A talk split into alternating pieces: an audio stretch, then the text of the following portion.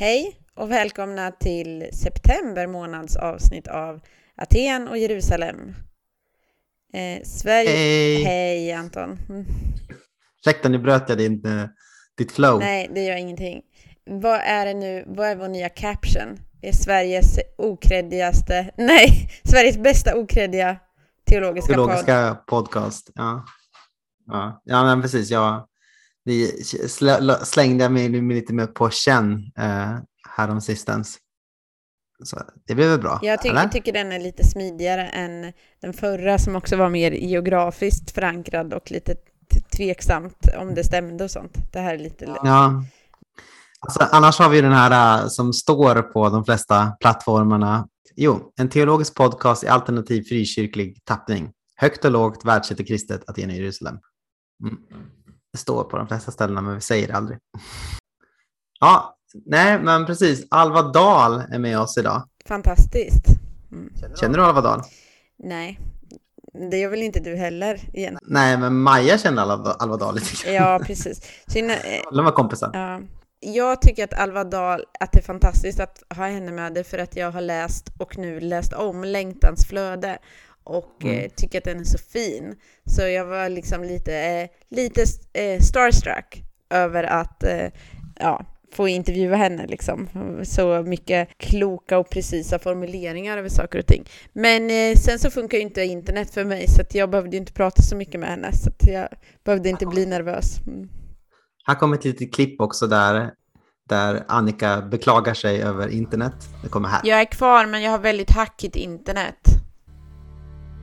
Nu är vi tillbaka. Mm. Eh, nej men precis, vad är Längtans flöde för bok? Eh, Längtans flöde är en bok som är, ska man säga, att det är någon slags roman. Det är i alla fall ett eh, berättar-jag som reflekterar över sin väg vidare i livet efter en skilsmässa, kan man säga.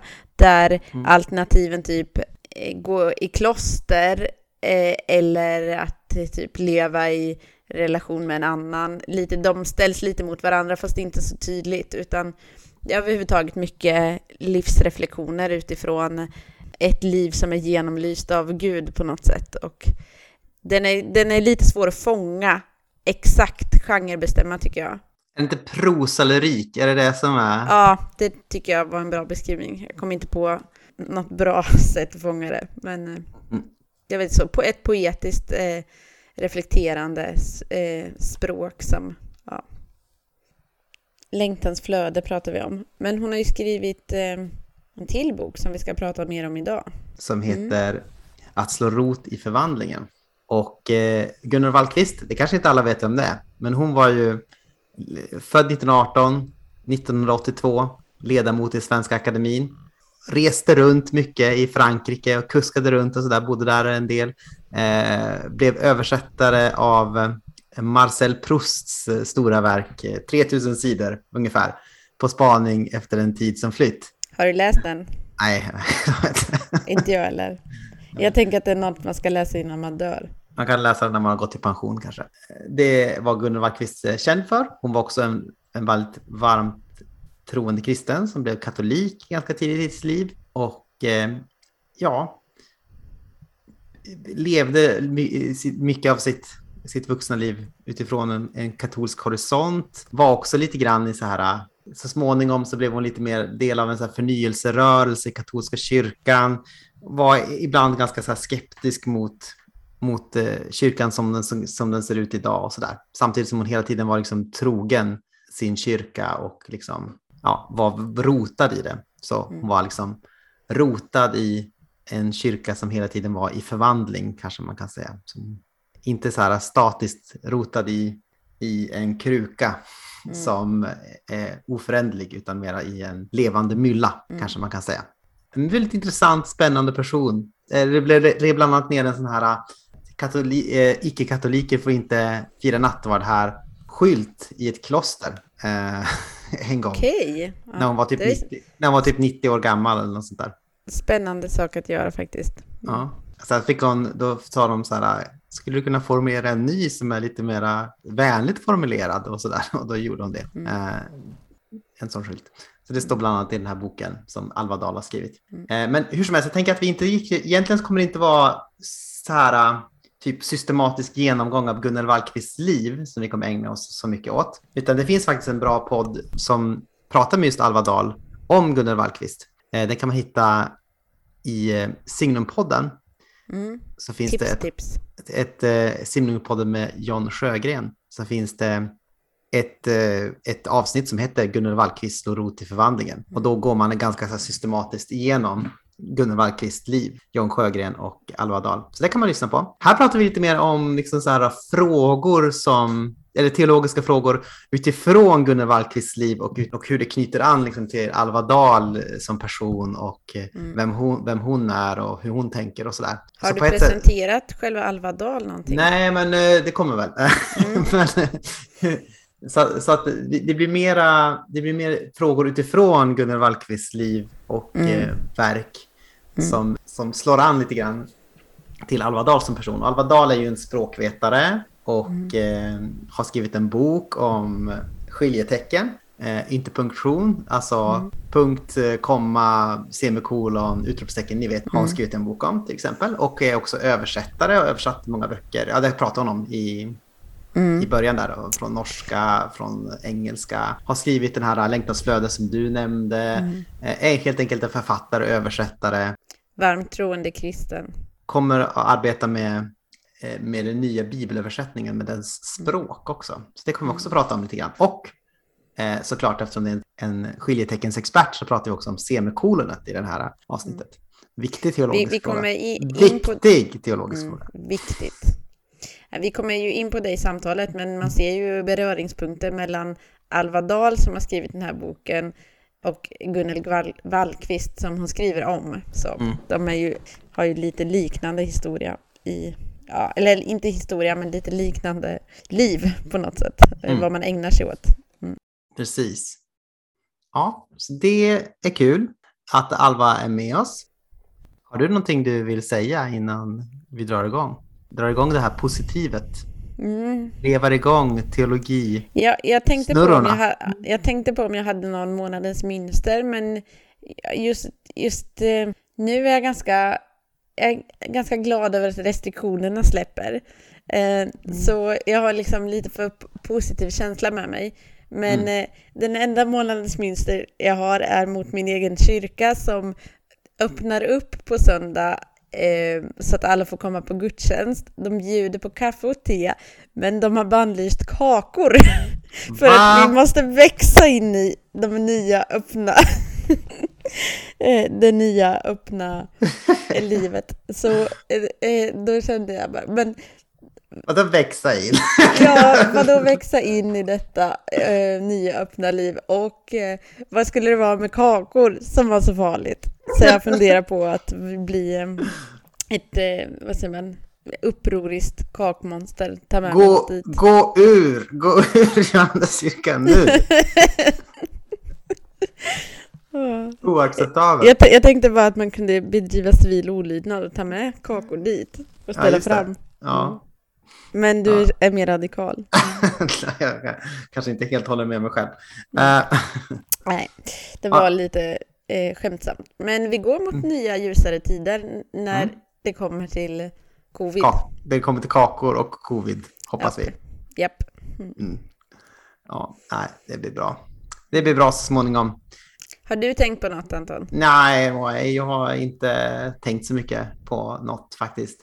Jag har, okay, men jag har en liten reflektion bara utifrån. Mm. För, lyssnade du på förra avsnittet? Jag tror att det kan vara avskräckande för vissa för att det var så långt.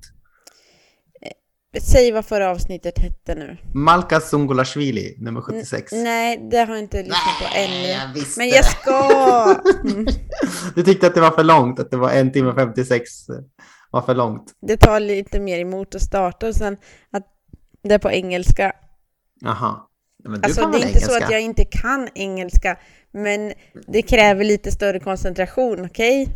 Mm. Okej okay då. Ja. Mm. Men du vet, en timme och 56, det tar inte så lång tid som man tror. Det är bara några, liksom, det är typ ja, några cykelresor som du har gjort. Ja, just det. Ja. Det tar fem minuter för mig att cykla till jobbet. Ja, men då är det några fler cykelresor. Ja. Okej, okay, i alla fall, jag hade en liten reflektion där som jag tyckte kunde vara eh, en, det här är en väldigt, eh, en, en väldigt marginell fråga som jag vill eh, lyfta då. Att mm.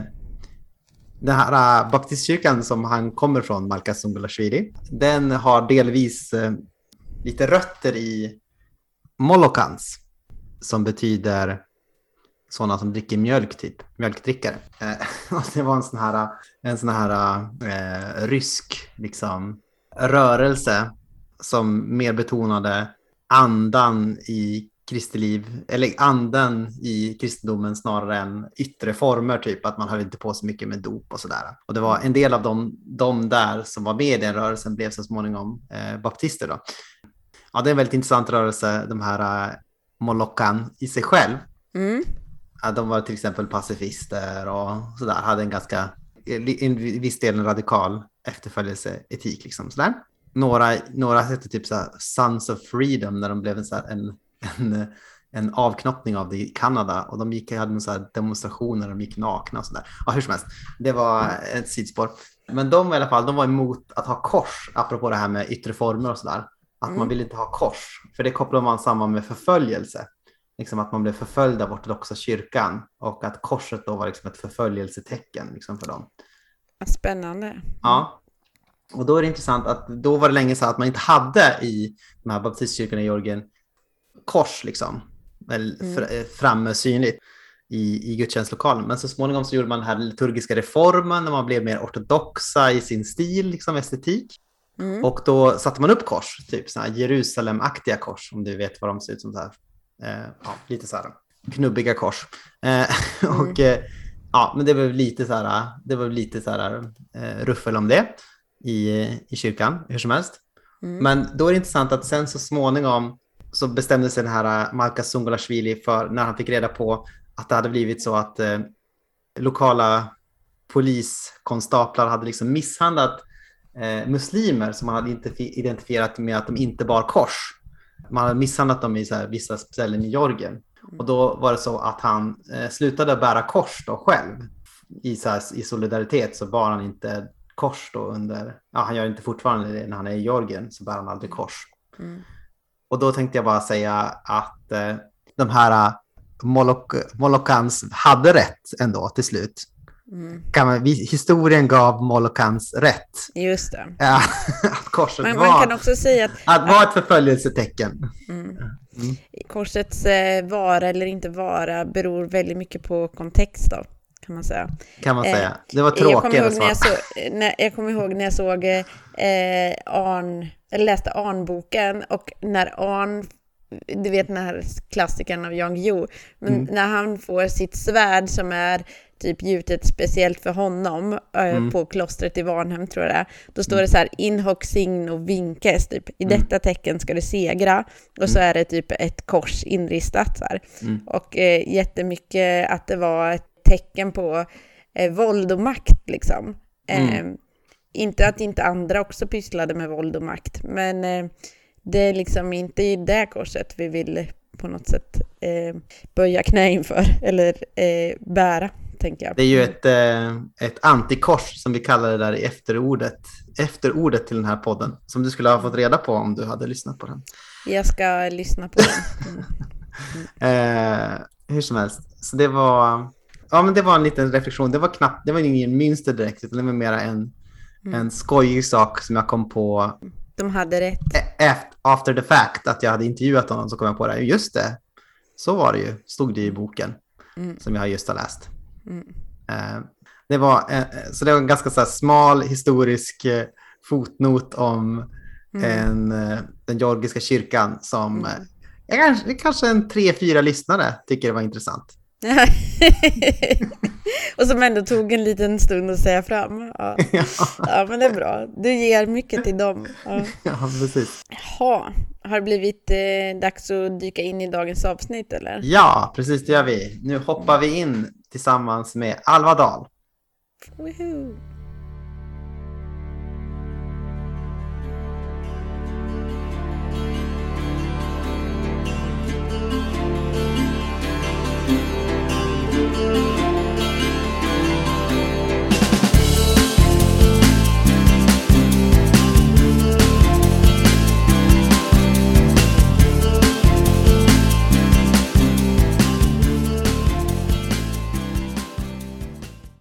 Hej Alva Dahl! Välkommen till Aten i Jerusalem.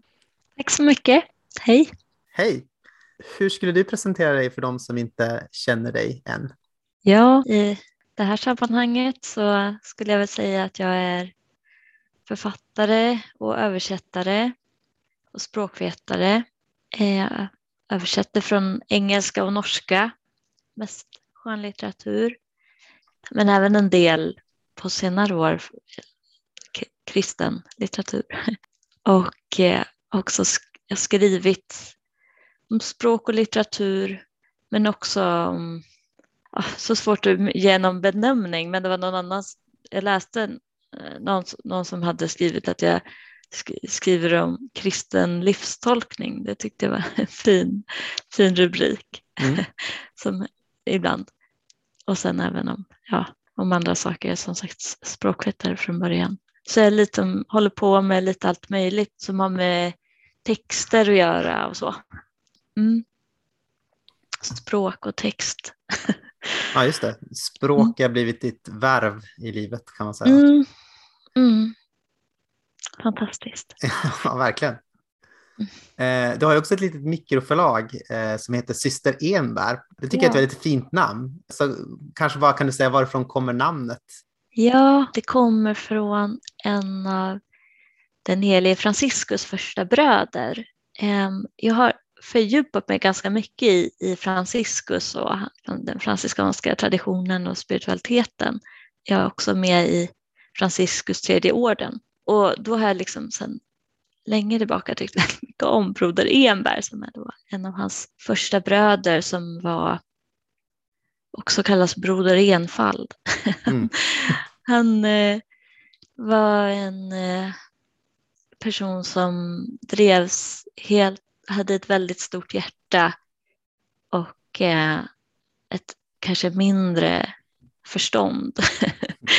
Ehm, så han, han eh, till exempel så hade han nästan ofta kom han ofta hem utan kläder till bröderna för att om de gav honom kläder så råkade han alltid hitta någon som var sämre klädd som han gav bort dem till. Och så eh, så han, eh, han var en, liksom en klantig person som inte kanske ja, tillförde så mycket mm, när det gäller ja, materiella ting till gemenskapen, men desto mer kärlek. Och eh, det är en bra inspirationskälla om man ska om man ska starta ett litet förlag för att ge ut böcker som ingen annan vill ge ut. Och så. Just det. Um, mm. Du kommer inte tillföra så mycket materiell vinning till dig själv då kan man tänka. Men... Nej, eh, jag måste säga, jag har gett ut två böcker på det här lilla förlaget hittills. Vi får se om det blir några fler. några blir det nog fler, men det kommer inte bli någon mycket och regelbunden utgivning. Men, eh, men jag har faktiskt fått litteraturstöd för båda böckerna från Kulturrådet. Så, vilket man får i efterhand, så det vet mm. man inte i förväg. Eh, men det gör att jag faktiskt eh, gått runt. Ja, det är fantastiskt. men det, det, hade jag inte räknat med från början. Mm. ja. Mm. ja. men, väldigt trevligt. Ja, som sagt, bra namn och eh, rolig bakgrundshistoria. Är, är inte det också väldigt så här franciskanskt förresten att ge bort sina kläder? Det var inte det Franciscus mm. gjorde där från början? I sin kall eller han gav inte bort dem, han klädde av sig, eller hur var det? Ja, nej men han, det finns ju säkert sådana historier. Jo, men precis, han var ju, han, eh, hans far var ju textilhandlare så han hade mycket, ja han var liksom omgiven av vackra kläder och tyger mm. när han växte upp. Och sen så avsa han sig ju allt det och började klä sig i, i det billigaste säckväven. Ja. Mm. Mm. Jag har läst en bok som du har skrivit, eller den senaste boken du har skrivit, som heter Att slå rot i förvandlingen.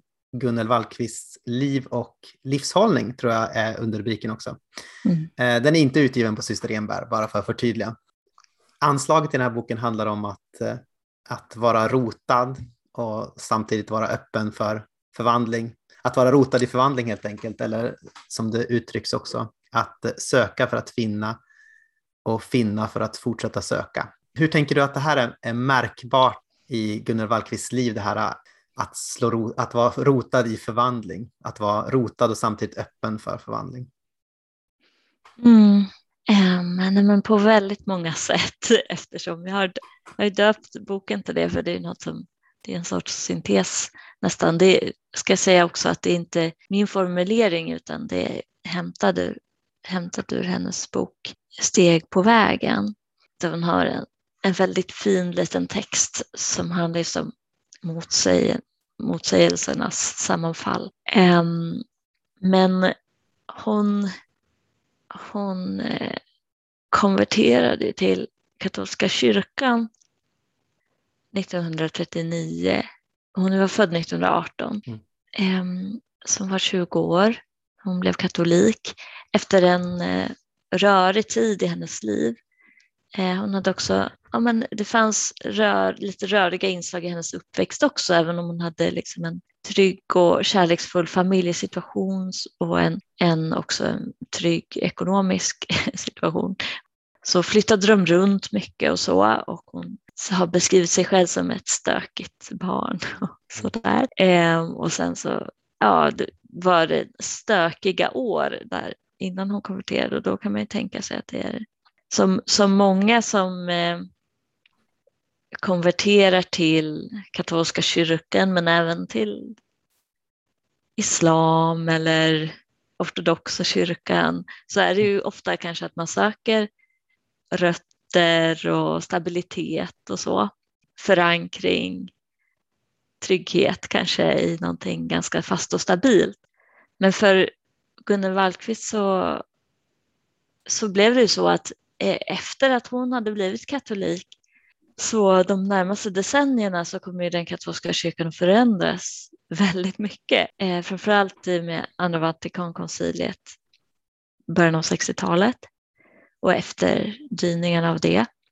Och eh, det är ju en sån sak som liksom kan tänka bli krisartad för många mm. konvertiter. Mm. Men för henne var det någonting som hon bejakade och till och med välkomnade i förväg och hon, hon anslöt sig kan man säga i, i hjärtat och själen till den förnyelserörelse som fanns före konciliet, eh, till skillnad från många andra i Sverige eh, och sådär. Så att hon, den här, det här att slå rot eh, innebar liksom aldrig att eh, bestämma sig för någonting och sen så ja, men bara stå, stå kvar på mm. samma ställe utan, utan att hon hade den förmågan att kunna ja, fortsätta ja, det här med att finna för att söka Söka för att finna, för att finna för att söka vidare. Det var ju liksom ett, ett ord som hon snappade upp där just på andra Vatikankonciliet som jag tror betyder mycket. Det kan, kanske, ja, det kanske kräver en, en särskilt på något sätt stark förankring också att man ska våga också inte rädas liksom förändring och förnyelse. Mm. Ja. ja visst, ja, men, eh, precis. Och, och jag, om jag får citera dig här då, så skriver du i prologen. Själv tycker jag mig ofta stå och vackla med sköra trådar i en jord som eroderats och urlakats genom ständig bearbetning och förflyttning. Det tror jag många kan känna igen sig i. Och jag tänker just det som du säger kanske det här att om det kanske är så att det är en tid där många söker liksom absolut rotfasthet, liksom en sorts absolut auktoritet att slå ner rötterna i ibland kan jag tänka att det mm. nästan är som att folk vill gå tillbaka i barndom och slippa ta ansvar. Så. Utan man vill bara liksom ha en trygg auktoritet som man kan förlita sig på helt. Så. Och Gunnar mm. Wallquists väg var ju annorlunda. Hon var ju på många sätt, i, om man bara ska förtydliga, hon var ju på många sätt i konflikt med den kyrka som hon var trogen till. Alltså, hon var ju katolik men också en ganska kritisk röst inom katolska kyrkan. Mm. Tror du att, att liksom hennes exempel kan hjälpa oss som lever i en rotlösare tid eller, eller tror du att eh, hennes exempel mest talar till en typ annan generation, massor med, inte vet jag, eh, boomers eller så? Eh. ja, nej. Um, det tycker jag verkligen att jag har på något sätt upptäckt när jag har hållit på och skrivit om henne, att jag tycker att hon har mera gemensamt liksom, på något sätt eller att hon har lättare kanske att, att tala till Eh, min generation eller sådär än jag, än jag tänkte från början. Det, det, kan man ju säga bara det att det, det syns ju att hennes en hel del av hennes texter som fortsätter att läsas. Så, eh, att hon är ju en omtyckt författare fortfarande. Men eh, jag tänker dels att just att hon faktiskt eh, också växte upp i en, eller och på något sätt formades i en, en eh, annan form kanske av otrygghet eller rotlöshet. Jag tänker också på det här att hon var student under andra världskriget, eh, reste i, i Europa efter kriget och ja men det ja, det, det kanske inte är så, nej jag vet inte, det är väl just sådär att jag, ja, men, ja, å ena sidan så, så håller jag med om det jag själv skriver där att, att eh, det är någonting speciellt tror jag för vår generation, eller vissa i vår generation kanske i alla fall av oss, att, att man har en, en rotlöshet och att på något sätt de som gick före oss har liksom brutit sig loss på olika sätt och sen så hamnar vi som kommer efter det i liksom någon mer, ja just det där väldigt ytliga rötter. Mm. Eh, men, men att samtidigt så finns det också hela tiden en tendens att man ja, gör sin egen tid mer exceptionell än vad den är. Jag tror mm. det är egentligen en erfarenhet som, som många har haft tidigare också eh, och som jag tror verkligen att Gunnar Wallqvist kan eh, ja, men liksom fånga upp på något sätt. Och eh, sen vet jag inte om den personen som, som du beskriver som liksom vill ha söker någonstans där man kan få alla svar och, och slipper våndas och mm. sådär eh, kommer att liksom förändra sitt förhållningssätt för att den börjar läsa Gunnar Wallqvist eller läser min bok eller så. Eh, men om man letar efter ett annat förhållningssätt och, och så mer aktivt så tror jag absolut man kan hitta stöd i, i Gunnar Wallqvists liv. Mm. Mm. Ja, men det tror jag också. Så hur skulle du beskriva Gunnar Wallqvists eh, fromhet? Eh, jag har funderat lite grann på vilka ord man skulle kunna sätta på det. Alltså, och jag funderar på om man kan säga att hon är typ liturgiskt konservativ men socialt progressiv och kanske och väldigt så här gudcentrerad. Mm. Alltså det, eh, vissa kan ju vara väldigt fokuserade på liksom kyrkan kanske, men hon känns som att hon är ganska fokuserad på Gud eller liksom den här, ja, mm. i brist på bättre ord, intima relationen med Gud. Mm. På Kristus. Mm. Ja, nej, men det är väl en bra beskrivning. Kristuscentrerad. Jag, jag intervjuade, nu ska jag gå in och referera till en annan intervju. Jag intervjuade eh, Martin Lönnebo som, som kände henne väl. Och han, eh, jag minns att han, det var en av de första intervjuerna jag gjorde till boken, med att han eh, började genast prata om den här ikonen, den icke av människohand utförda bilden, eller så Veronica Svetterduk som den också kallas, eh, där det bara är liksom Jesu ansikte på, på duken, att den var liksom en, så, så central. alltså den, då på, därför, eftersom man berättade om den så fint så har jag på något sätt, är det den som, som dyker upp för, för min inre syn. Liksom när, mm när jag tänker på det här med hennes fromhet, jag tror det var en ikon som betydde mycket för henne. Och sen eh, precis liturgiskt konservativ kan man, kan man ju verkligen säga och estetiskt känslig. Hon var väldigt liksom, känslig för gudstjänstens skönhet. Det var mycket viktigt för henne att det mm. var eh, skönheten i gudstjänsten. Det var ingenting, inget utanpåverk utan det var liksom ett, en autenticitetsmarkör för henne. Mm. Att, eh, och en, en, markör för att man, man tar gudstjänsten, tillbedjan på allvar och eh, ja, mm, att man anstränger sig. Mm. Hon, hon var ju kanske en sträng person på många sätt och, och skarp och även när det gäller gudstjänsten. Mm. Men är inte det också lite Alltså på ett sätt så, jag, så, tänk, så tänker jag att det verkar som att hon har väldigt stort, eh, stor omsorg om människor, eller i alla fall människors eh, samveten. Hon vill inte låsa fast, fa, låsa fast folk för mycket, men samtidigt kan man tänka, är hon inte lite snobbig också när det kommer till, alltså att hon är, hon är kanske inte speciellt folklig, för att hon fokuserar så mycket på det här estetiska och så där, så att det liksom, går inte någonting av det här liksom kontakten med hur det är att vara vanligt församlingsfolk liksom förlorat lite grann i, hos henne, eller vad tänker du? Mm. Ja, hon... Eh... Oh, vilken intressant fråga. Men både och.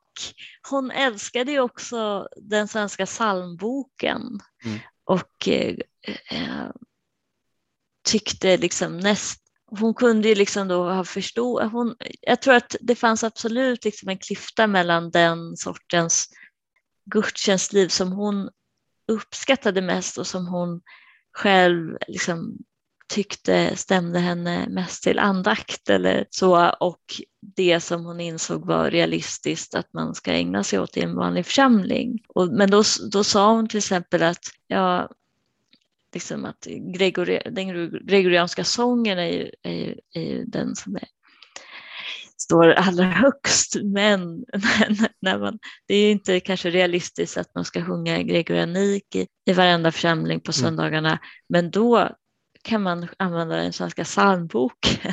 Mm. För den är, den är också otroligt bra, sa hon. Så, um, så att jag tror hon hade nog lite, men jag, men jag håller, så att jag kan hålla med dig eh, om att hon eh, hade nog inte erfarenhet kanske av att, att vara liksom majoritetskristen på det sättet. Hon, mm. hon, hon tillhörde ju Svenska kyrkan eh, eh, som barn och konfirmerades där men var liksom aldrig, förutom det, var liksom aldrig någon aktiv regelbunden gudstjänstbesökare i Svenska kyrkan och sen när hon blev katolik så var det bara några tusen katoliker i Sverige och det var ju eh, de, hon, de hon firade gudstjänst med var ju det var ju dominikaner och många akademiker.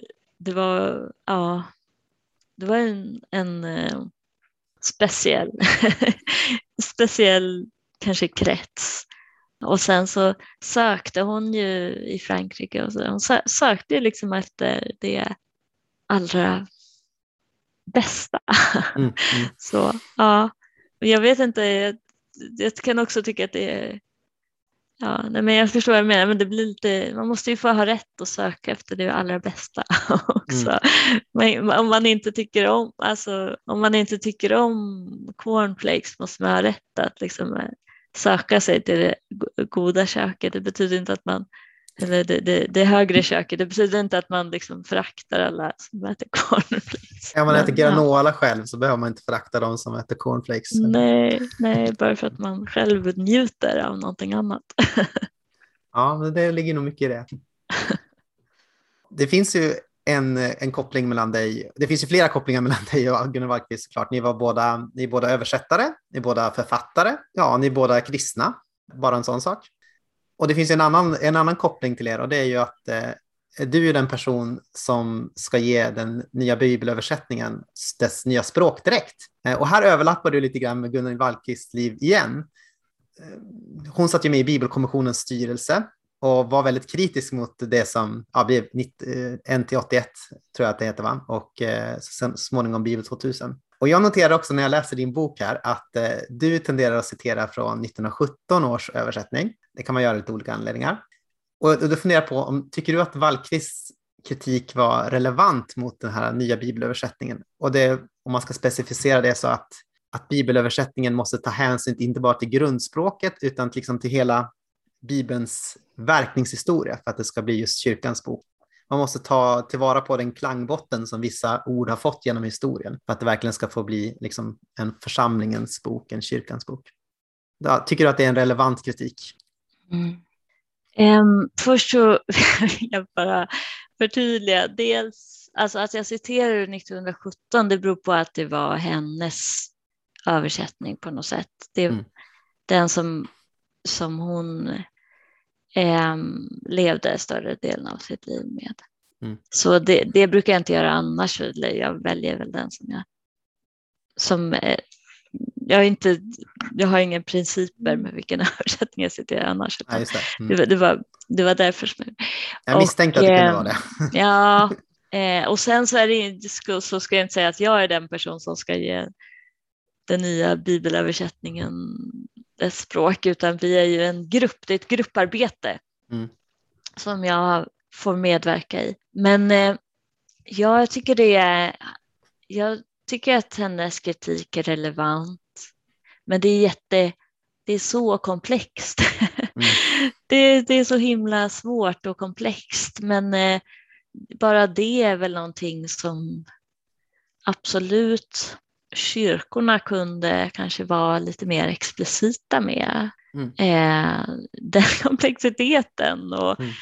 ehm, precis att det, det är väldigt eh, utmanande att förhålla sig liksom i översättandet till att det här är liksom en text som ja, har lästs och tolkats i 2000 år eh, eller ännu mer om vi pratar gamla testamentet. Men, Mm.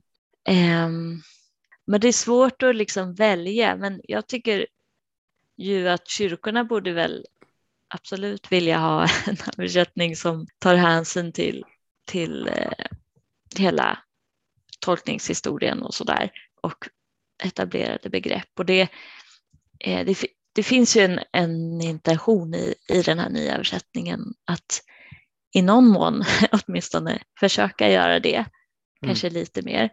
Eh, Men det är ju, det är ju jättesvårt för ja, om man tänker att den, eh, att den heliga ande har på något sätt lett kyrkan och i, genom alla århundraden och eh, i tolkningen av olika bibelställen och sådär, då kanske man tänker att då vill man ju ha med det. Å andra sidan så kan ju den heliga ande är ju rimligen närvarande också i liksom nutida bibelforskares upptäckter och så. Ehm, så det är lite svårt att ställa dem liksom mot varandra. Och man, det är klart att man helst skulle man vilja ha en text som är lika, som, där liksom svenskan är lika gåtfull och innehåller alla tolkningsmöjligheter som Mm. grekiskan gör. Samtidigt så vill man också att det ska vara liksom en, en njutbar text på svenska med liksom en språklig litterär kvalitet som inte bara är liksom en ren kalkering av grekiskan. Så det är. Jag har, jag har än så länge inte lika så här starka uppfattningar om, om, om, bibelöversättning som Gunnar Wallqvist hade. Eh, jag känner mig än så länge väldigt så här förvirrad på det, på det området. Men eh, jag tycker att det ligger eh, mycket i en del av hennes kritik. Att det var ju väldigt speciellt liksom, att det var en statlig bibelkonvention och alla kyrkorna bara st- står och hejar på. det är klart de borde ställa lite krav eller Mm. någonting. Ja, kanske. Men det är, det är ju skönt att nu, är det, nu har staten dragit sig ur. Ja. Ja. det är skönt faktiskt. Mm. Men eh, ja, det är intressant för det, är ju, det ligger väldigt... eh, Det ligger väl en kontrast mellan ett katolskt eller vad man ska säga, kanske protestantiskt i viss mån, eh, syn på Bibeln. Då. Alltså Bibeln Mm. som just kyrkans bok som vi läser tillsammans med kyrkan genom alla tider. Då. Kanske ett mer Mm. katolskt förhållningssätt och ett mera protestantiskt eller frikyrkligt kanske sätt är mera att komma tillbaka till, eh, till ursprunget, eh, tillbaka Mm. till källorna. Vad var det det står egentligen? Liksom, och, sådär. Eh, och det är väl så, en svår avvägning kan jag tänka mig. Du står väl... Alltså du är också, jag tänker du är ju svenskkyrklig också, men samtidigt liksom, kanske har en viss katolsk sensibilitet och sådär. Så att det är ju, ja, det kan, kan förstå att det kan vara vacklande fram och tillbaka. På sånt. Ja, och alltså jag, om jag är svenskkyrklig så är inte det för att jag har, så här, har tagit ställning i den här frågan eller någon annan för det protestantiska förhållningssättet utan det betraktar jag mer som en slump vilket Mm. samfund jag tillhör. Jag tycker båda är, båda är det, det är väl bra om vi kan ha med oss båda förhållningssätten. Och sen så alltså det är väldigt bra tycker jag. Nu har det kommit den här katolsk studiebibel eh, ganska nyligen eh, med liksom katolska kommentarer till NT 81, eller den senaste översättningen mm, av Nya mm. Testamentet. Alltså det kan ju vara en lösning att liksom kyrkorna ger ut kommentarer. Det, det, kommer också bli väldigt många kommentarer i den här översättningen och mm. långa tror jag som jag håller på med nu. Men, men att det kan ju behöva, behövas även liksom från kyrkornas håll. Man liksom gör texten till sin på det sättet kanske. Mm. Um, ja, det är intressant. Och att man kan ja, man anpassar vissa texter som i en del tidebönsböcker har man liksom justerat lite grann så att, så att sal, salta salmerna ska gå liksom lättare att sjunga och sånt där. Mm. Alltså man, kan, man kanske kan justera lite efter, efter husbehov också. Mm, just det. Ja, det, mm. vore, det låter väl rimligt tycker jag också. Mm. Ja. Mm. Jag tänker det, egentligen så tänker jag att det också är bra att det kommer fler översättningar ja. eh, till svenska. Man, ja, men för det är fler bibelöversättningar som finns tillgängliga för, för en person som läser eh, svenska. Ja, men desto fler liksom, möjliga tolkningar kan man ta del av och ju mer kan man fördjupa sig i texten. Ja, men precis. Och det finns ju i Sverige kanske lite nervositet kring det här med översättning också. Att vi har varit vana mm. vid att man har liksom en av konungens stadfäst liksom översättning och det är översättningen. Och så ibland lite Exakt. nervös. Vilken är liksom egentligen den rätta översättningen och sådär. och, ja, och det är kanske, det är ju en konstig fråga att ställa, liksom, vilken som är den rätta översättningen. Så. Ja, mm. precis. Nej, men och sen är det klart att det är speciellt, man kanske har man måste ju, jag måste ju kanske respektera att man, man, det är ju texter som hamnar väldigt nära då kan det finnas liksom formuleringar som man har nära sitt hjärta för att man, man har läst de här många gånger. Men det är ju en sak. Men, eh, men sen när man ska fördjupa sig mer i texten på ett annat plan så, så är det faktiskt bara bra att det finns många översättningar. Det, förhoppningsvis så kan man liksom, kan, kan många liksom komma över den spärren och, och, och märka det, att det faktiskt är bra. Ja.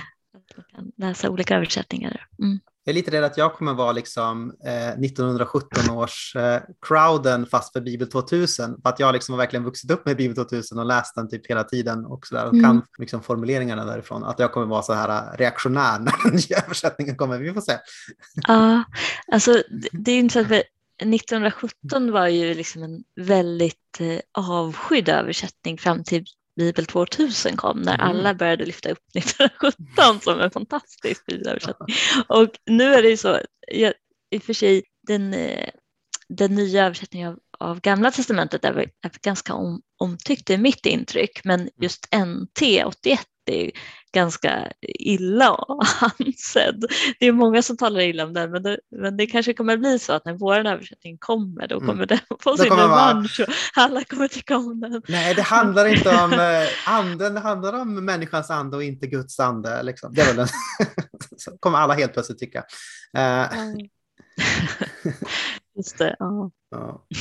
Gunnar Wallqvist är ju också känd som, eller framförallt känd som översättare till mastodontverket På spaning efter en tid som flytt av Marcel Proust. Mm. Och här tänker jag, där finns ju också ett, en överlappning med dig i ditt värv som skiljeteckensexpert. Och, och det är ju då för att återge franskans komplexa meningar så använder Wallqvist gärna semikolon eh, och försvarade att man kan använda den i svenskan. Och när jag växte upp så var jag en älskare av semikolon, men ofta tillrättavisad för mina semikolon.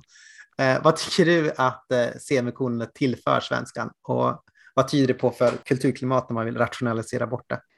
Ja, men tack. Det här är ju faktiskt en, lite av en hjärtefråga för mig. Nej, men jag tycker semikolon är en fantastisk resurs. Jag är har liksom lite en benägenhet att överanvända det så jag måste ibland gå tillbaka och stryka några så att det inte blir för många på varje sida. Man kanske inte ska ha fler än sådär tre per sida. men men ehm, eh, det gör ju, alltså jag tänker överhuvudtaget när vi varierar vår interpunktion och använder många skiljetecken så kan vi uttrycka oss nyanserat. Och eh, det blir roligare att läsa texter som, där inte varje mening är konstruerad på exakt samma sätt utan det finns en variation, det finns en rytm eh, och det finns just nyanser. Och semikolon gör det möjligt också att, ja, men jag tycker det är väldigt raffinerat för att om man använder semikolon mellan två huvudsatser kan man använda det liksom istället för ordet ty. Mm. Och då blir det att den här till exempel, alltså det är inte alltid sånt kausalt samband, men ofta är det det. Mm. Men, och, men det där sambandet blir liksom lite mer subtilt med ett semikolon. Mm. Läsaren får själv liksom läsa in och det, därför tycker jag att man behandlar också sin läsare med, med respekt och, och eh, man inbjuder läsaren till tolkning. Och, ja, Ja, nej men man kan ju säga hur mycket som helst om semikolonens förträfflighet. Men jag tycker det är jag tycker det är jättesorgligt att det är många som bannlyser det. Det är många kulturjournalister som har sagt till mig att det, är liksom bannlyst från deras tidningar och sånt där. Alltså till och med, till och med kultursidorna. Liksom. Mm. Absolut är det ju bannlyst från nyhetssidorna, där finns inte en chans att de skulle Men även eh, eh, i ja, många andra sammanhang. Det är många som precis har fått för sig att det liksom inte skulle höra hemma i svenskan och sådär. Jättekonstigt. Men ja, nej men precis då, nej men ska man vara lite paranoid så tänker man att då är det, att det är ett kulturklimat där allting ska vara enkelt och svartvitt och inte så nyanserat när man inte får använda semikolon. De försöker införa newspeak, eh, 1984 års språk. Ja. ja, nej men man ska försöka att inte vara paranoid kanske. Nej, kanske. Men, men, men i Newspeak så, så ingick det definitivt inga semikolon. Nej, nej, där var det absolut inga semikolon. Bara punkt. Ja. Det, det ro, jag tycker att det är jättekul när jag läste just när du förklarar hur, hur hon använder semikolon, att du använder jättemånga semikolon i den meningen. Det tänkte jag, där. här har hon lagt in ett litet skämt nästan för, för läsaren. Jag kommer faktiskt inte ihåg. det, det, kan ha varit så, det kan också ha varit så att det bara var skämt på min bekostnad. ja. Ja. ja, men det var roligt i alla fall. Mm. Vid åtminstone ett tillfälle så kallade sig Wallqvist för en eh, liberal anarkist i sitt lojala uppror de kyrkliga aktiviteterna och andra aktiviteter. Ett av hennes uppror eh, bestod i att hon förordade interkommunion, och det vill säga att eh, vi ska inte vänta på att kyrkornas ledningar ska komma överens i alla detaljfrågor innan vi kan fira nattvard tillsammans, protestanter, katoliker och ortodoxa, utan istället så ska vi genom direktaktion, som om man ska få använda ett politiskt begrepp, då, fira nattvard tillsammans och så liksom manifestera den här enheten som, som hos Gud redan är verklig. Vad, vad tänker du om den här liksom direktaktionsvägen är den möjlig liksom för att rasera eh, murar idag mellan olika kyrkor och teologiska traditioner? Mm. Um, hon, Gunnar Wallqvist liksom praktiserade ju det här i vissa specifika sammanhang. Säga, där hon konstaterade att ja, hon, hon tyckte sig kunna konstatera att det här är på riktigt och här vill, här är vi ett i Kristus och det finns mm. inga liksom, kyrkoledare som ska kunna komma och säga att vi inte är ett. Jag tror inte att hon hade liksom velat komma med någon allmän liksom, uppmaning alla Fridays for Future, att nu ska ni alla fira interkommunion på söndag, liksom, utan att det handlar om, eh, tror jag, liksom att vissa, om man, för att återgå kanske till det här med liksom elitism, eller att mm, mm. Ja, vissa sammanhang kan gå före, liksom, där, det är, där man på något sätt anar att enheten faktiskt redan finns. Men helt klart så var det, jo men att hon såg interkommunion som ett medel för att nå fram till enheten och inte som ett mål. Mm. Som, man liksom först måste reda ut alla teologiska saker och sen kan man fira. Um, och vad tänker jag? Jag tänker att de eh, det är liksom en enorm... Jag har inte faktiskt reflekterat. Jag, är liksom inte, jag, är inte, jag känner ibland att jag är väldigt så teologiskt oreflekterad. Men däremot så har jag liksom många gånger liksom varit väldigt ledsen och liksom gråtit över eh, att, eh, vi in, att eh, vi inte får fira kommunion tillsammans. Ehm, det är liksom väldigt så här, så jag känner igen den liksom väldiga smärtan som hon också kände då i till exempel, som, som också låg bakom det här för henne. Mm. Att när hon till exempel då lärde känna Olof Hartman som var direktor på Sigtunastiftelsen och präst i Svenska kyrkan. De blev väldigt nära vänner och, och så blev det en enorm smärta liksom, att deras kyrkor skulle befinna sig i någon sorts konflikt, att de inte skulle få liksom enas runt nattvards... Det, det, var liksom helt omöjligt, så var tvungna att fira mm. inte kommun. Men så, eh, jag har inte, nej men jag kanske faktiskt förstår den, tror jag liksom någonting har jag känt av den smärtan liksom och också den helande känsla som det kan vara när det är liksom päls och man faktiskt kan fira tillsammans. Det är mm. som att man, eh, eh, ja men det är ju liksom en liten försmak av någonting. Eh, och så här, plötsligt någonting som framstår som ett så enormt hinder, liksom. så plötsligt så här, nej men vi är ju faktiskt det, är, det finns ju inget hinder där. Liksom. Vad är hindret? Mm. eh, vem är det som vill separera oss liksom mm. sätta upp stängsel på något sätt mellan. Nej, det jag vet inte, så att jag är verkligen eh, som, men det kan ju vara en fördel kanske att vara lite bara oreflekterad lekman. Mm. Så kan man ju säga att jag förstår faktiskt inte varför vi inte kan få fira eh, nattvard tillsammans och eh, varför man ska hålla på och hålla isär kristna mm. och eh, hålla så himla hårt på gränser. Alltså det, det är det där att för de här äh, som, som jag sa förut, alltså att eh, om jag tillhör liksom ett samfund så är inte det för att här, jag har liksom gjort liksom en, eh, någon sorts här valkompass. Mm. och liksom, vad tycker du i de här frågorna? Gå med i det här. det, är, det är inte så det fungerar för någon, eller det, mm. kanske för några, men, men för de flesta så är det ju så att man har liksom hamnat genom var man har vuxit upp och sådär i ett visst samfund och sen utifrån det så försöker man liksom växa i sin tro. Men det är ju, det är ju liksom inte, jag vill absolut inte liksom bli använd som någon sorts, eh, ja, liksom eh, representant för någonting som mm. ställs mot någon annan. Mm. liksom. eh, ja, nej. Um, och så tror jag att det ändå är liksom för, faktiskt för många lekmän i kyrkan. Att det, det var, tyckte jag var ganska kul. Det gjordes någon undersökning i USA för några år sedan. Alltså det här blir väldigt utvikning, men inom katolska kyrkan där de undersökte vad liksom, församlings, vanliga församlingsmedlemmar tänkte om så här viktiga frågor, liksom så här kyrkoskiljande frågor.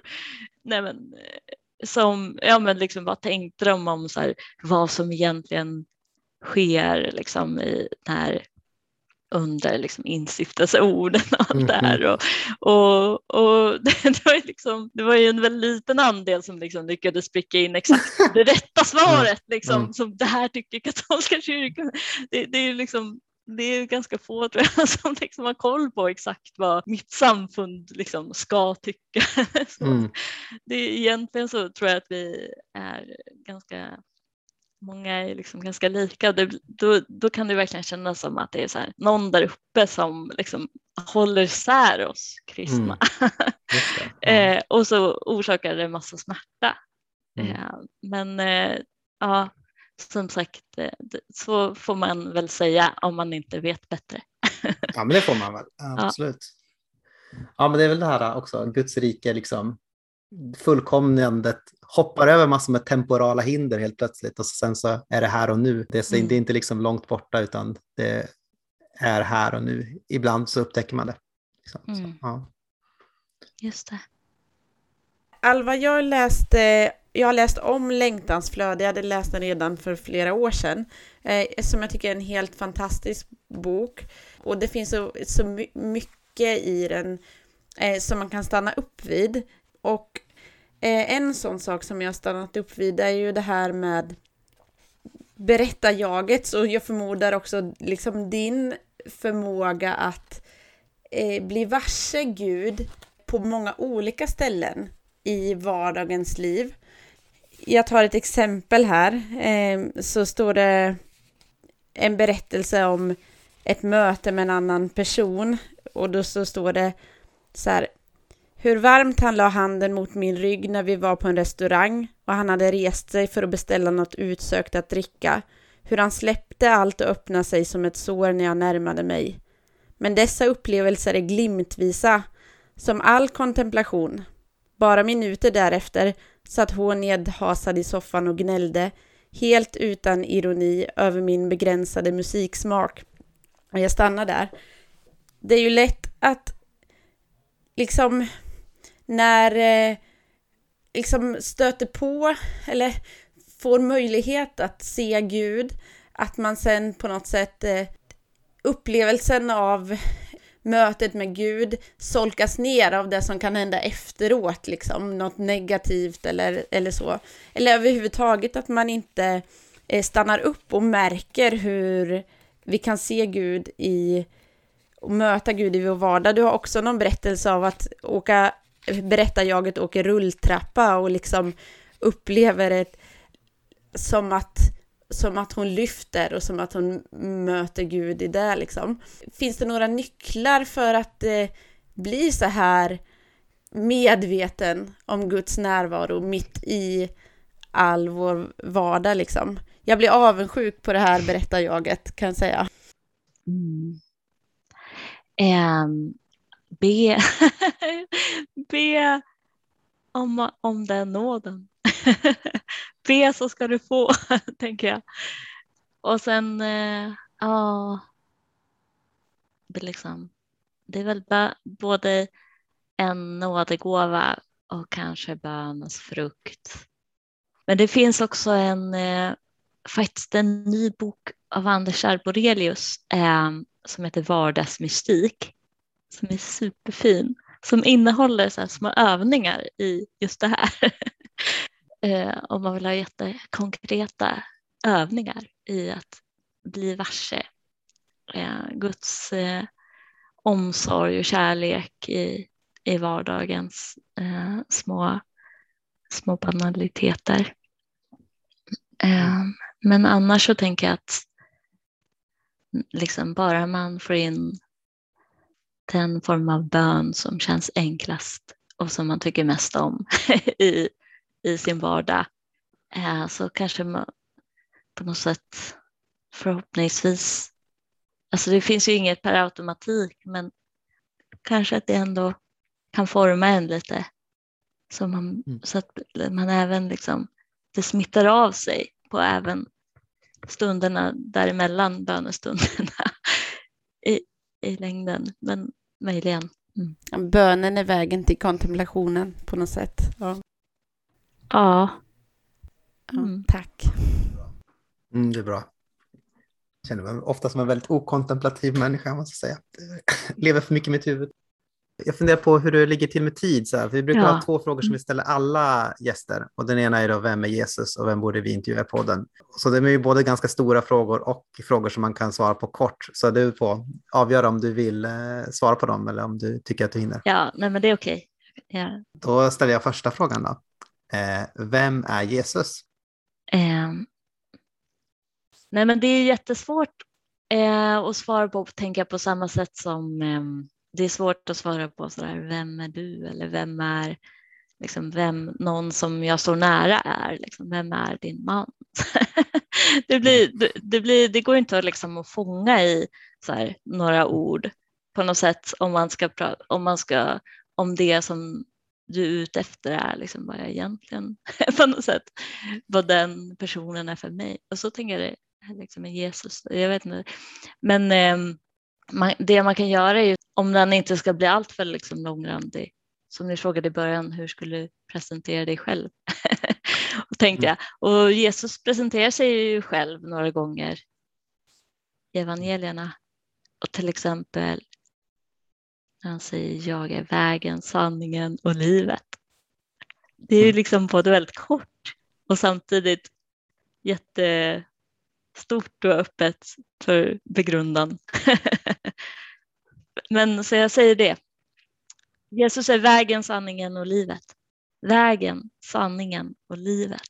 Men verkligen väldigt så här mycket som man kan dra ut från det där. Alltså det, är inte, det kan man hålla på med ett, en livstid tror jag. Ja, mm. verkligen. Och nästa fråga då. Eh, vem borde vi intervjua i den här podden? Jag tycker ni borde intervjua någon i er församling. Någon i någon av era församlingar eh, som ni är nyfiken på. Det finns så många spännande livshistorier tycker jag när man sitter mm. liksom vid kyrkkaffet och pratar med någon som man inte pratat med förut. Intervjua mm. någon som ni är nyfikna på, någon kyrktant om hur Gud har visat sig och väglett henne i livet.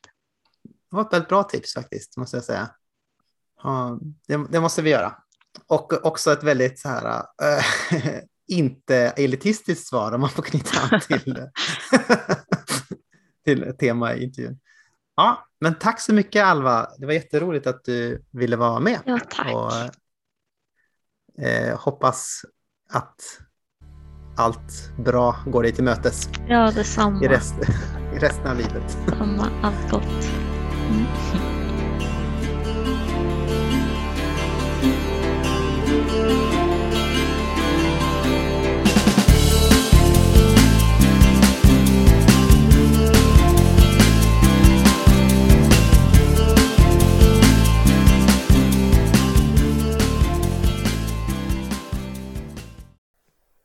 Välkomna tillbaka. Varmt, till, varmt välkomna. Till eftersnacket.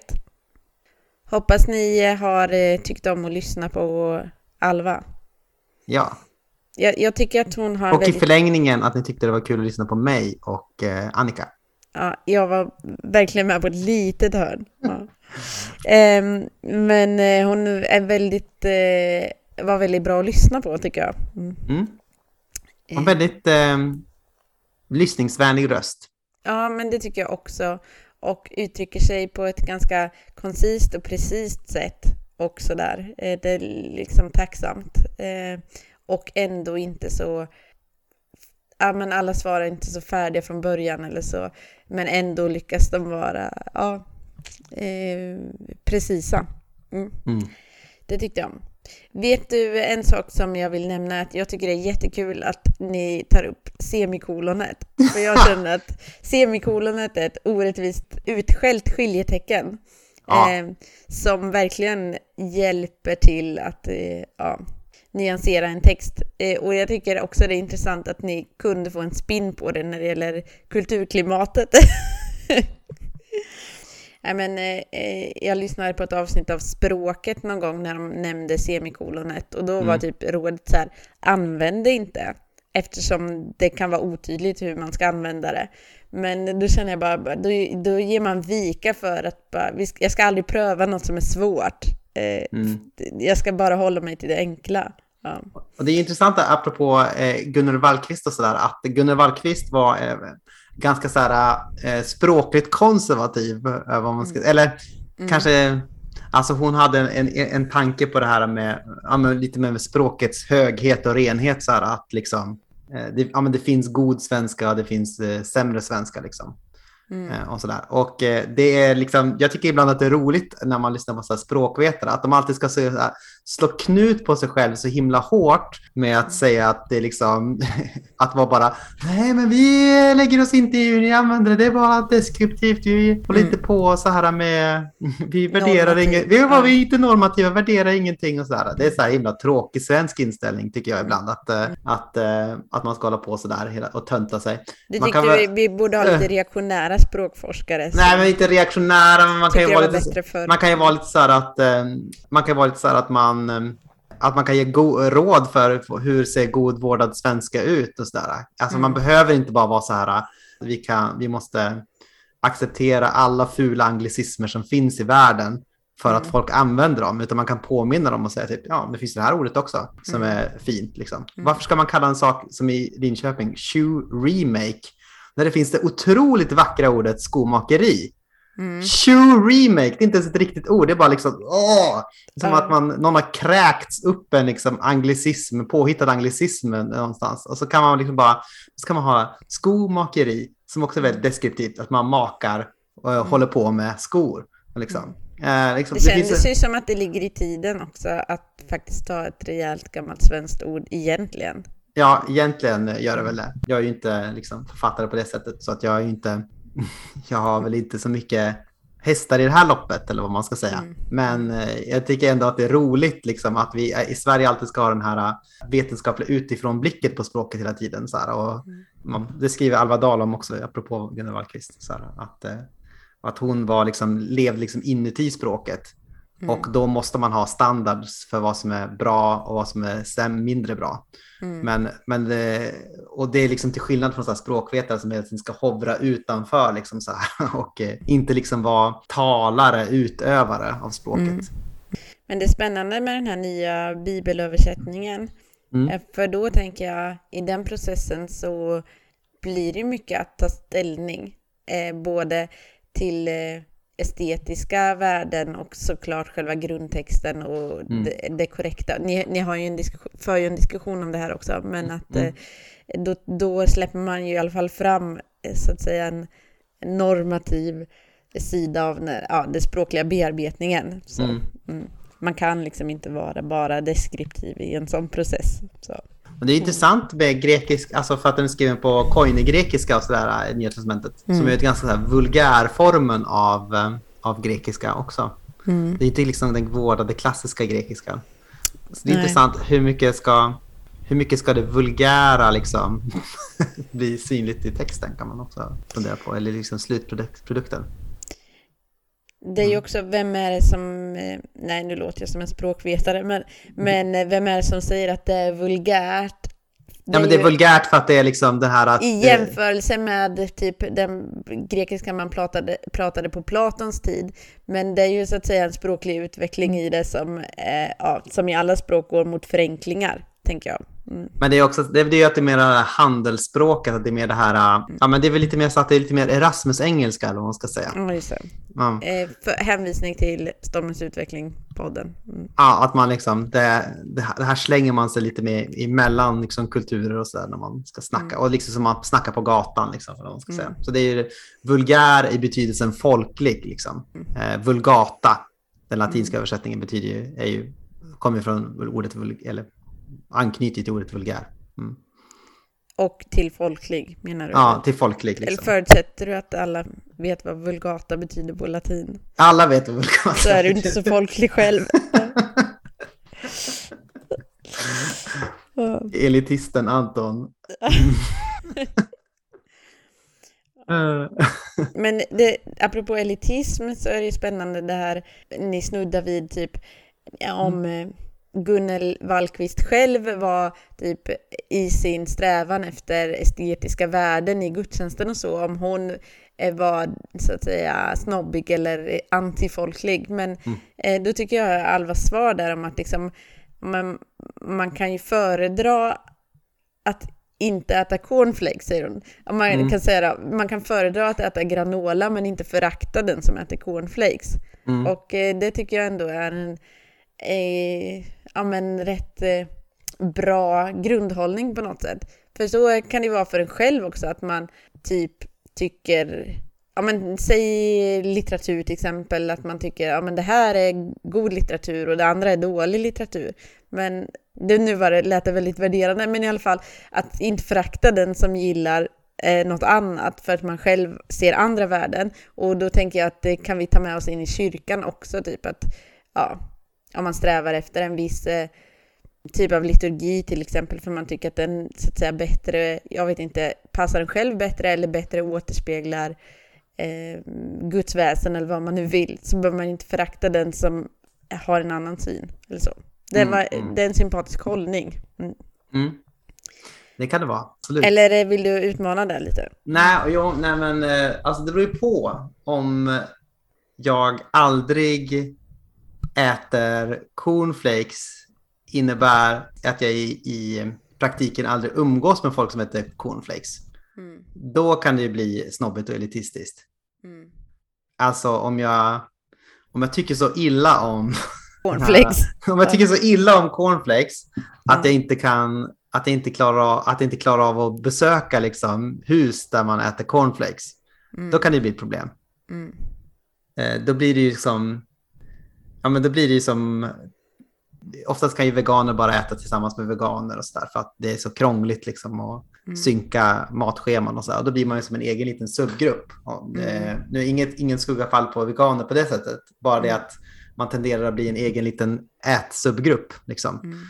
Och på samma sätt så kan det bli, om man bara vill söka det bästa eller det vackraste, då kan det bli också att man missar, att man, att man inte umgås med dem som slafsar i sig cornflakes. Mm. och, och, och då kanske man missar det vackra i det vulgära livet.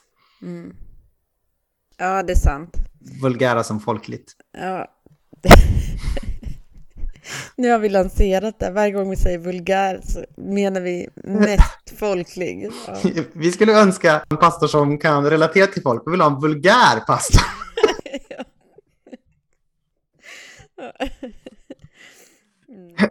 Men jag trodde att du förstod, kommer de, när de kommer dit alldeles nakna, insmorda med, med rapsolja eller vad det kan vara. Och så säger man, men alltså jag trodde du förstod, vulgata, vulgär, folklig. Ja, Folkspråket. det var ju uppenbart. Du måste kunna prata folkspråket.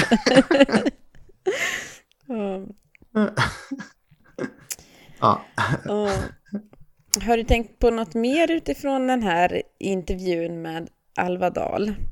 Och en, sak som jag kom på som jag tyckte var väldigt roligt, eh, som jag hade tänkt ställa en fråga på, men sen som jag glömde, om Gunnel Wallqvist. Mm. Det var ju att hon hade en tanke på att hon skulle starta en eremitby tillsammans med andra eh, ensamstående kvinnor. Så, Mm. var, så tanken var att man skulle köpa liksom en slätt liksom, på ett ställe och så skulle man kanske, ja man, man bygger upp fem hus eller något sånt där. Och så sen så bor man där eh, har ganska så här, lever ganska särskilda liv från varandra, eh, men med en viss, viss gemenskap. Och det ska alltid råda liksom absolut tystnad utomhus så att man kunde kontemplera fritt ute i, i naturen och sådär.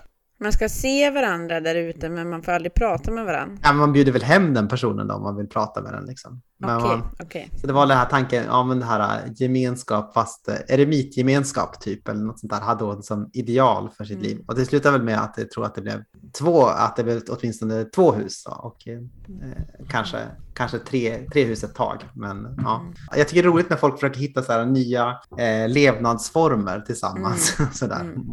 Mm. Ja, experimentera i det. Så det tyckte jag var kul ändå att hon ville ha den här eremitbyn för ensamstående kvinnor. Ja, det Eh. låter ju väldigt spännande. Ensamvordna. Ja. Mm. Det hade varit en mardröm för mig personligen. Men eh, som sagt, det är spännande när folk söker nya vägar, tycker jag. Mm. Dessutom så tycker jag vi, borde, vi behöver ha lite bättre former för celibatet inom våra olika kyrkor. Mm. Vi behöver ha en form för celibat. Ja, inte bara bättre utan Mm. en form överhuvudtaget. Mm. Mm. Det finns det där i katolska kyrkan att man kan eh, bli... Det här har lite, lite negativa konnotationer i svensk frikyrklighet. Man kan bli så kallad Kristi brud. Eh, Säger du det? Vadå, det är väl inget speciellt med? Nej, tänk, tänk inte på något speciellt. Eh, så att man kan liksom, eh, man har liksom nästan som en så här vigselgudstjänst med Jesus, att man är liksom vigd då för eh, ja, celibat och Jesus är ens brudgum. Då, liksom. Man blir som en liten bild av kyrkan då, på något sätt. Mm. Ja, jag vet inte vad jag ska säga om det. Det har som sagt lite negativa konnotationer. Men jag har ju tänkt på det att man borde ha vänskapsförbund som till exempel David och Jonathan. Mm. Eh, och sådär. Eh, eller som det finns överhuvudtaget ganska mycket i Gamla Testamentet, att man ingår lite förbund lite hipp som happ. Och jag tror att eh, Lina Mattebo pratade om det vid något tillfälle också, det här att man skulle kunna ha, att man liksom lovar varandra trohet som vänner på något sätt. Man skulle mm. kunna vara så här, jag, jag, ska, jag lovar att eh, liksom finnas eh, tillgänglig för dig och eh, sådär. Att vara en andlig vän. Mm. Någon som kan stötta en också i ens andliga liv och sådär. Och, ens, mm. mm. och också bara som vanlig vän såklart. Ja. Det, det, det, skulle kunna vara en god ja, men, form.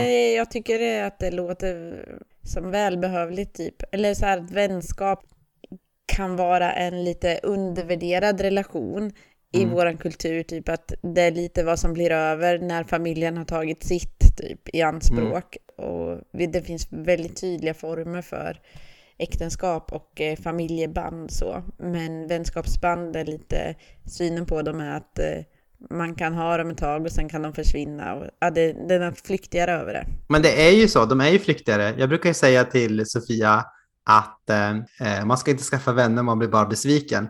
Och sådär. Mm, sorgligt.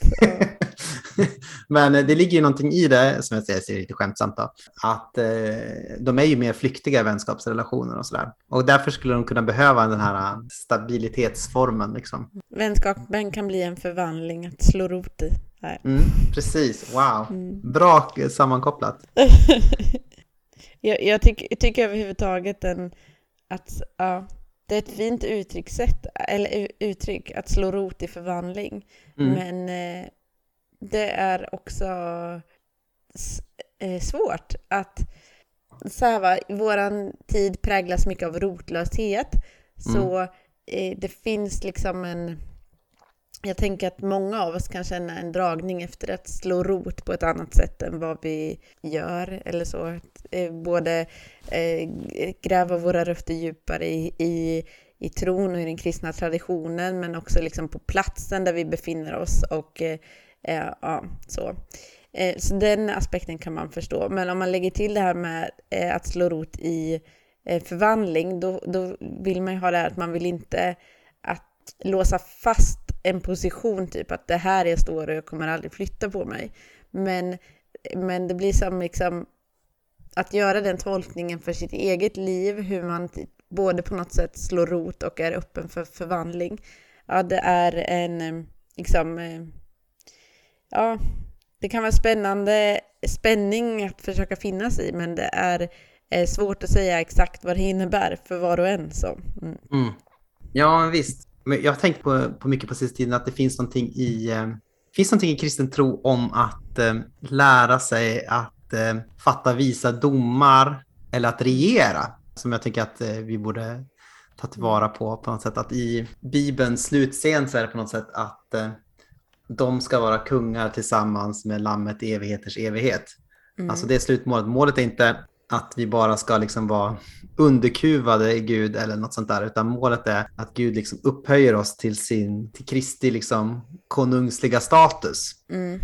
Och i tiden eh, så är det någonting som vi lär oss i att, eh, att, eh, att Bibeln pratar om det här med att att döma i sin egen krets och sånt där. Att mm. binda och lösa. Mm. Att eh, liksom kunna avgöra frågor moraliskt. Det är inte så att vi alltid har en klar, tydlig ram. Så att hur ska man göra med att eh, så många män tittar på internetporr till exempel? Mm. Finns det, kan vi göra någon så här eh, moralisk bedömning om, om det? Alltså skulle man kunna liksom fatta en fatta en gemensam regel i en församling, till exempel inget internetsurfande efter tio eller något sånt där för mm. att eh, för att liksom försöka hjälpa dem, här. hjälpa dem eller komma förbi mm. någonting eller liksom göra mm. liksom, mm. våga fatta modiga beslut och sådär tillsammans som, som grupp och så. Eller, och, och liksom att kunna, ja men just det här att kunna binda och lösa, att kunna mm. bedöma företeelser i samtiden så moraliskt och sådär. Mm. Det är ett, ett lite så bemyndigande i det. Och Ja, precis. Av, eh, ja, Och nu för tiden, nu tycker jag alldeles för många vill bara vara underkuvade hela tiden. Alltså att Mm. man, vill, man vill att någon ska bestämma över en. Man vill att man ska ha liksom en så tydlig, att det ska finnas en tydlig hierarki och att jag är en kedj, länk i, lite, länk, lite längre ner i kedjan. Så här, att, jag har, att, alltid, att jag får alla svar så här tydligt. Kolla bara i katekesen så vet du vad du ska göra liksom. Så Eh, strävan vet- efter att vara rotad kan bli en strävan efter typ en tydlighet som ja, kan vara ett undanflyende av ansvar. Så man in, in, infantiliserande av sig själv. Mm. Liksom. Mm. Jag tänker att det är inte det kristen tro handlar om, utan kristen tro handlar snarare om att man ska bli bemyndigad, att man ska liksom resa sig till sin fulla värdighet. Att skapelsen längtar att Guds söner ska träda fram. Jag tänker på det att det att, att skapa liksom lokala, eh, nu hittar jag bara på ett, eng, hittar jag bara på ett engelskt uttryck så här, men eh, communities of discernment eller geme, Urskiljning. urskiljningens gemenskaper liksom lokalt, där man kan Mm. tränas i den här färdigheten att liksom kunna utifrån Bibeln, utifrån eh, anden, liksom bedöma saker moraliskt. Det tänker jag, det är mer det vi behöver ha. Typ. Mm.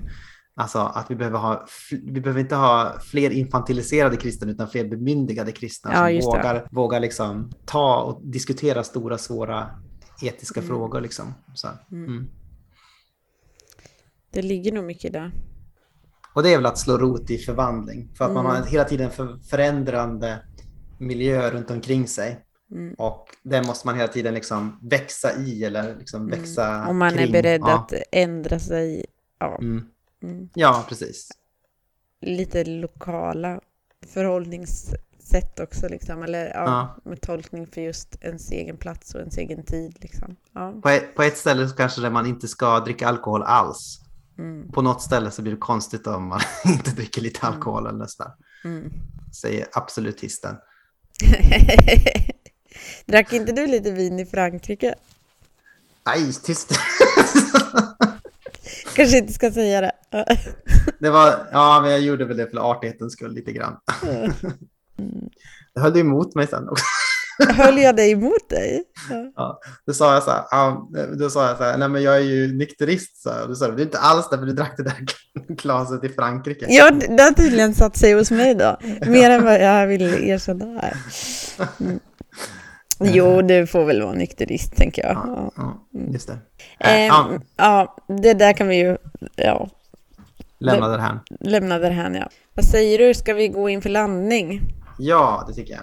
Ni är varmt välkomna att göra saker med den här podden. Dela avsnittet. Ja, det vore jättesnällt eh, om ni gjorde. Och det kan man göra offentligt på sina olika sociala medier. Mm. Man kan Eller göra bara det... säga åt någon att lyssna. Precis. Man kan gå fram på sitt lokala bussbolags buss och rycka tag i förarens mikrofon och ropa ut. Lyssna på avsnitt 77 av Aten i Jerusalem med Mm. Alva Dahl. Det är ett mer, mindre kon- konventionellt sätt att göra det på. Mm. Men alla sätt är bra. Absolut. Du kan prenumerera själv. Om du inte gör det.